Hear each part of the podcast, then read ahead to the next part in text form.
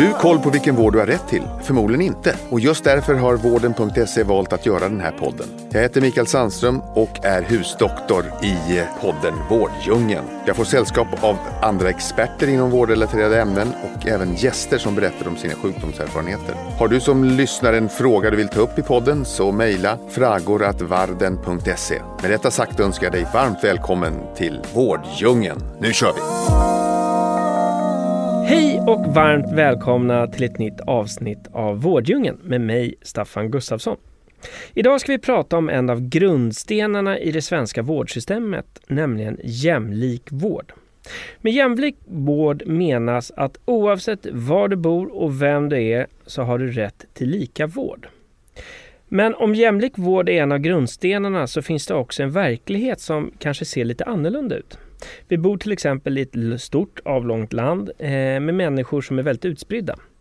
Men med oss idag så har vi Omar Masla som är en eh, allmänläkare och en av grundarna till Legehuset. Jättevälkommen hit till Vårddjungeln! Tack ska du ha Staffan! Det är så kul. Jag har faktiskt sett fram emot att få ha det här samtalet ända sedan första gången vi sågs för ja, det var några månader sedan. Ett par månader sedan. Ja. ja. Eh, nej men så återigen, jättekul att ha dig här. Och om jag ska vara helt ärlig så eh, ska jag faktiskt erkänna att för ett år sedan eh, så kände jag inte till er så mycket. Eh, och eh, nu tycker jag att ert namn liksom dyker upp eh, lite överallt. Kan du inte berätta, liksom, vilka är Legehuset? Kul att du säger det, att vi, att vi liksom syns. Då har vi gjort någonting för att synas. Uh-huh. En, uh, nej men Legehuset går faktiskt längre än ett år tillbaka. Uh, vi uh, startade igång med idén i slutet på 2018 mm. och kom igång med vår första mottagning i Kista, Järvaområdet 2019. Mm. Och vår, vår grundidé och tanke det är, det är preventiv vård där vi arbetar främst med hälsokontroller, blodanalyser och eh, vaccinationer.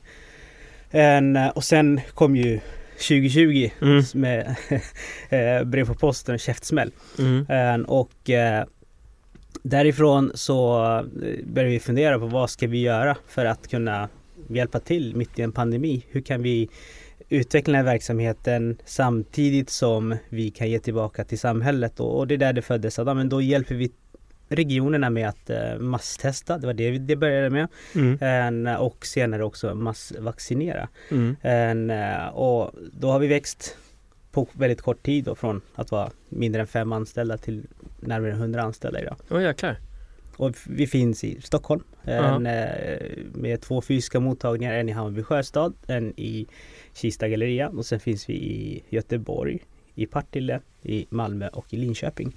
Det är uh -huh. de fysiska mottagningarna och sen har vi mobila enheter, Vårdbussen som det kallas. Och de finns vi på ett plus 50, 50-tal orter runt om i landet. Så det är som en mobil vårdcentral i princip? Ja, precis. Ja. Mm. precis. Men det, och sen så om inte jag är helt missunderrättad eh, så under hela liksom, coronapandemin så det som gjorde att ni stack ut lite också, det var att ni åkte ut till de områden där ingen annan åkte. Precis, Eller precis. hur? Exakt. Ja. Det, vissa upphandlingar som vi valde att vara med på var medvetet att vi liksom ska söka oss till de ställen där folk inte vill eller andra företag väljer bort. Uh-huh. Det är ganska enkelt att vara i, i Östermalm. Det är uh-huh. inga konstigheter men att åka ut till eh, Hammarkullen, Bergsjön eller i Kista, Rinkeby, eh, Tensta det, det, är inte självklart för alla. Mm. Eh, och på så sätt har vi faktiskt vunnit de flesta upphandlingarna eh, ensamma. Till exempel i masstestningen i, i, Region Stockholm. Där fick vi vara enda aktören som masstestade populationen i covid-19 då, eh, i de 15 mest utsatta områden i Region Stockholm. Otroligt. Och vad fick ni för respons när ni kom ut hit? Ja, det var ju fantastiskt. För ja. att, eh, tidigare fanns det inte den möjligheten. En, eh, och det var så, hur ska man säga, eh, ojämlikt på det, på det sättet. Mm. Så att vi, vi hade våra vårdbussar i Rinkeby, i Husby, i eh, säg, Alby, Skärholmen, Södertälje. De ställena där det var, fanns väl mycket covid och folk behövde testa sig. Mm. Och, och jag, nu vet jag, det har ju pratats mycket om det här, men din syn som, som läkare för att det var ju väldigt många som inte ville vaccinera sig. Mm. Handlar det mest om liksom, språkförbistring eller liksom, varför vill man inte vaccinera sig? Nej men det är, det, det är information. Eller är det missuppfattning? Ja det är missuppfattning. Men det, det är Ja. information, brist på information. Ja. En, eh, på rätt språk egentligen. Och, Ja. och det är där vi uppfyllde ett stort vakuum. Mm. Vi kunde finnas på plats Mm. eh, med 30-tal olika språk Mm. och informera, upplysa och hjälpa till regionerna att liksom, här kan man vaccinera sig, vi finns på plats. Viktigast i, i, i de flesta sammanhang det är tillgängligheten, att finnas Mm. på plats, att synas. Mm. För det är då, om man inte vaccinerar sig första gången Ja, men då kommer man kanske på andra eller tredje tillfället när man ser en vårdbuss stå där. Då Mm. kommer man ju fram och frågar vad, är, Mm. vad gör ni egentligen? Fantastiskt. Men du, eh, och sen så, du nämnde lite innan att ni fokuserar mycket på hälsokontroller. Mm. Och vad, är- vad är det som skiljer sig om man gör en hos er eller om man går till sin vanliga vårdcentral? Otroligt mycket. Ja, En, eh, först och främst på en vanlig vårdcentral så gör man ju inga hälsokontroller. En, eh, för där är det, när du är sjuk en, så söker du dig till vårdcentralen för att få hjälp eh, med den specifika sjukdomen.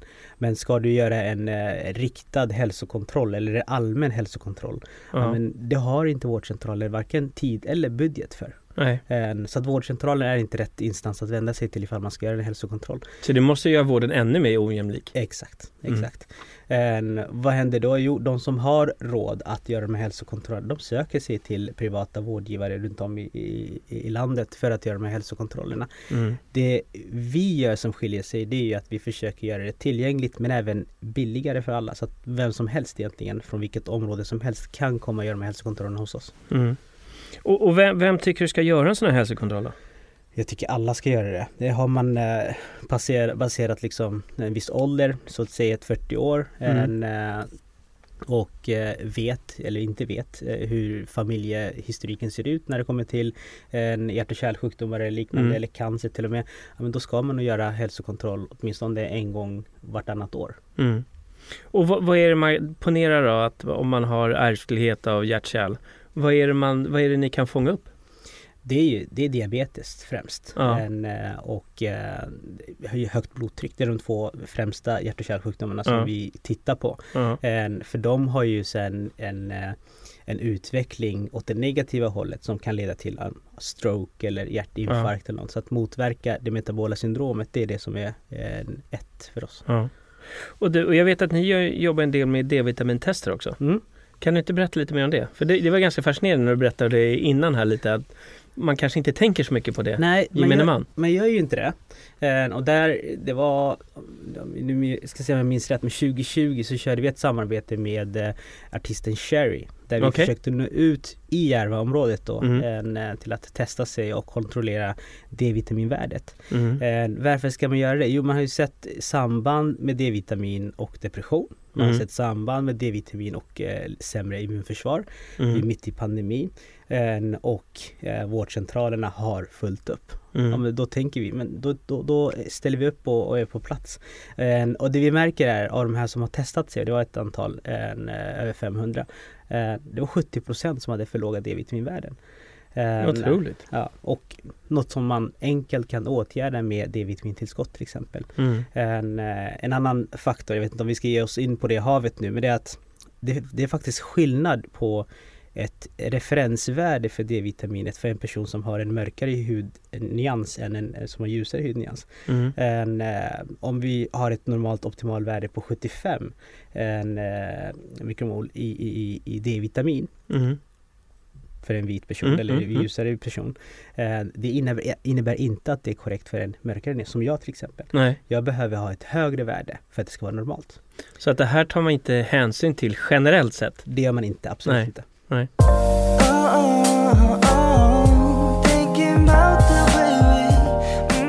Eh, eh, kan inte du bara berätta lite mer om eh, de här vårdbussarna? Hur, hur funkar de? Ja, en, eh, idag har vi sex stycken vårdbussar. Ja. En, eh, och eh, tanken är ju att vi, det ska vara vår förlängda arm. Ja. Vi ska kunna erbjuda det vi redan erbjuder i våra fysiska eh, mottagningar. Och eh, många förknippar våra vårdbussar med vaccinationsbuss. Men Mm. det, är inte, det är inte endast vaccination. Vi, Men vad kan man få hjälp med där då? Vi utför en blodprover en, eh, och eh, lättare hälsokontroller Okej. än eh, på bussarna också. Så att man, man skulle kunna komma till vår buss och utföra blodsockerkontroll. Mm. Man kan få gratis blodtryckskontroll. Mm. En, och även mindre screening där vi kollar på vissa blodparametrar som Mm. sedan bedöms av läkare fysiskt på annat ställe. Så det är en förlängd arm av, Ja. av våra fysiska mottagningar. Men du, och, och sen så blir jag lite nyfiken där såklart på hur ni jobbar med hälsokontroll. Liksom. Vad skiljer, vad, när man gör en hälsokontroll hos er, Mm. vad, vad, får man, vad får man ut av det då? Ja, en, eh, det, det är en stor skillnad. Ja. En, normalt sett så kanske vi är vana idag med att man gör en hälsokontroll hos Ja, vi behöver inte nämna något namn, något Nej. företag någonstans i, Ja. i Sverige. Och sen får man hem eller via mail eller krypterat sätt ett eh, dokument på 25 sidor där man läser om diverse ja, sina resultat. Mm. Och gemene man fattar inte vad, vad är ett ferritin? Vad är triglycerider? Mm.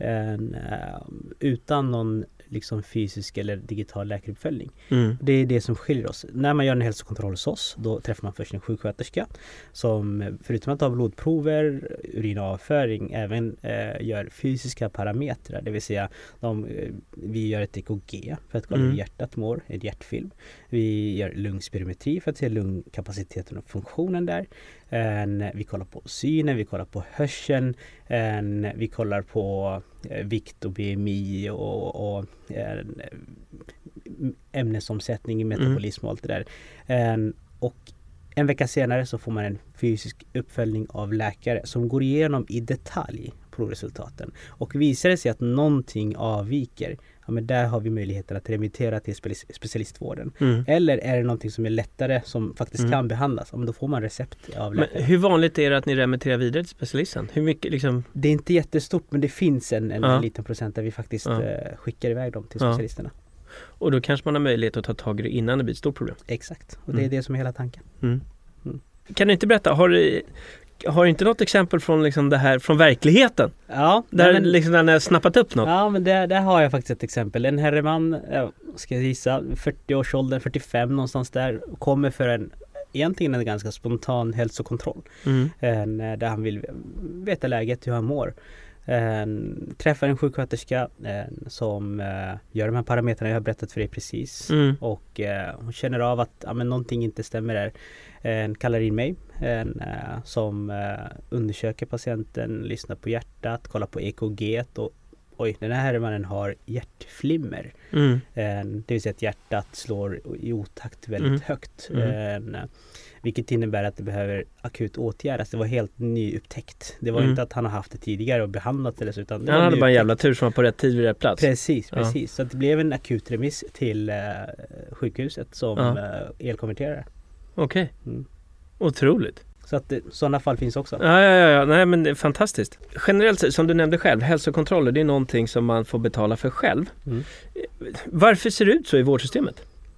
Eh, Varför ingår inte det i liksom det allmänna flödet? Ja, det är intressant att du frågar. För just när det kommer till, till vårdsystemet, allt är ju allt är baserat på budget. Ja. En, och om man kollar på en, eh, den svenska vårdbudgeten så är det 97% av den som satsas på reaktiv vård. Vilket innebär att när du är sjuk så ska du söka dig till vårdcentral eller sjukhus och det är Mm. då man åtgärdar det. Det är Mm. det majoriteten av budgeten, en stor majoritet går till. En, eh, vad går resten då? 3 av vårdbudgeten satsas på preventiv vård, det vill Mm. säga förebyggande. Och där skulle jag faktiskt vilja se på politisk nivå att man försöker förändra och eh, en, för man sparar enormt mycket pengar på att satsa på prevention Mm. hellre än reaktion.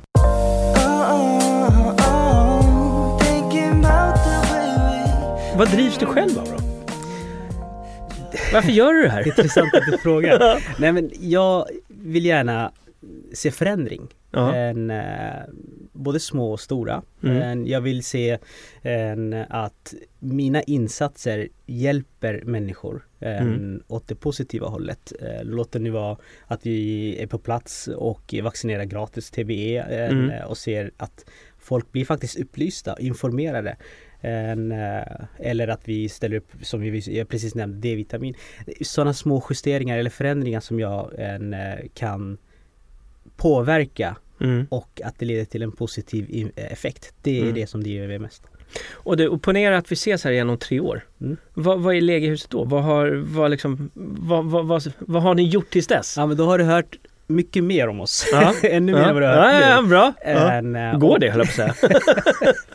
ja, det går alltid. Ja. Um, och, uh, och vi finns på plats i, i många fler orter, både ja. fysiskt uh, men även via våra vårdbussar, men senare också via mobilen så att man kan faktiskt ta kontakt med oss via mobilen. Ja. Och vi vill fortsätta på det spår vi är idag. Det vill säga, vi vill inte vara det offentligt finansierade företaget som, som man hackar på, utan vi är privatfinansierade. Så att ni är helt privat, ni har ingenting med regionstaxor att göra och sånt? Det enda vi har, det är covid-19 vaccination. Det är det enda. Resterande när det kommer till hälsokontroller eller blodanalyser och eh, det vill säga vaccinationer också som mm. är allt förutom covid. Mm. Det är privatfinansierat. Mm. mm. Och du, eh, om, om man kollar då på framtiden och jämlik vård. Hur ser det ut för att, kommer vi få jämlik vård i Sverige tror du? Det hoppas jag. Ja. En, eh, men jag tror inte fullt ut. Nej. En, eh, det, det kommer ta tid. Eh, ja. Och jag tror inte heller man kan få en jämlik vård till 100 procent. Men, men vi ska jobba på och, och se vart den här kampen leder till. En minsta lilla förändring kan förbättra jämlik, mm. att det blir mm. jämlik hälsa.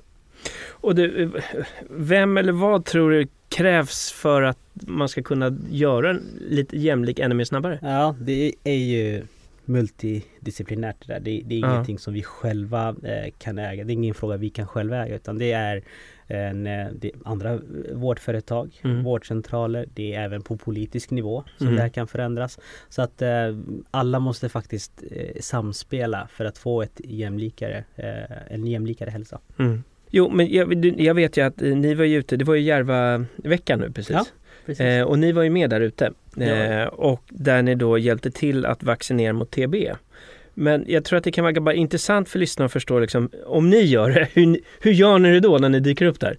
Ja, en, eh, vi var... För jag tror det skiljer sig lite vad man förväntar sig av svensk vård. Ja, precis. precis. Ja. En, eh, hela tanken med vårt deltagande, det är mm. ju först och främst har jag själv rötter i Järvaområdet. Ja. Jag vet vad det finns för brister, jag vet vad det finns för en, eh, det som saknas i området. Mm. En, och en tydlig sak som saknas i området det är kunskapen om just TBE. Mm. och då tog vi tillfället i akt att vi ska vara på plats.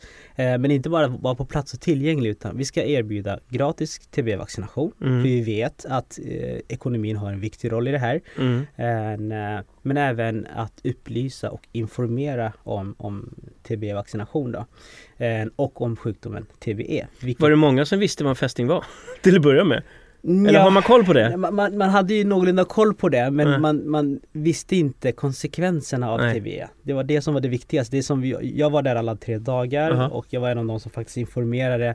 Eh, vi hade personal som eh, täckte mm, somaliska, arabiska, kurdiska, persiska, engelska, svenska. Så att vi mm. hade liksom mång eh, multilinguell personal. Mm. och eh, det som vi märkte det var att folk, ja men de har ju hört talas om fästing men eh, de trodde det var vilket bugg som helst, alltså vilket liksom mm. kryp som helst. Mm. Eh, men när man väl informerar om det, ja, då fick vi det resultatet. Vi vaccinerade 330 den, den eh, perioden på tre dagar. Mm. Vilket är många, många fler än vad man hade vaccinerat i det området. Ja, faktiskt. troligtvis ja. 130 fler. Ja, precis. Ja. Nej men eh, så, det ska bli så intressant att följa er resa och, eh, eh, och det här fantastiska jobbet som ni gör. Och med det sagt så var faktiskt det allt vi hade att bjuda på för den här veckan. Och jättestort tack till dig Omar att du kom hit för den här pratstunden. Tack för att jag fick delta. Ja. och jättetack till alla ni som lyssnar också så hörs vi igen nästa vecka. Så ska vi fortsätta hålla utkik efter Legehuset. Yes, tackar.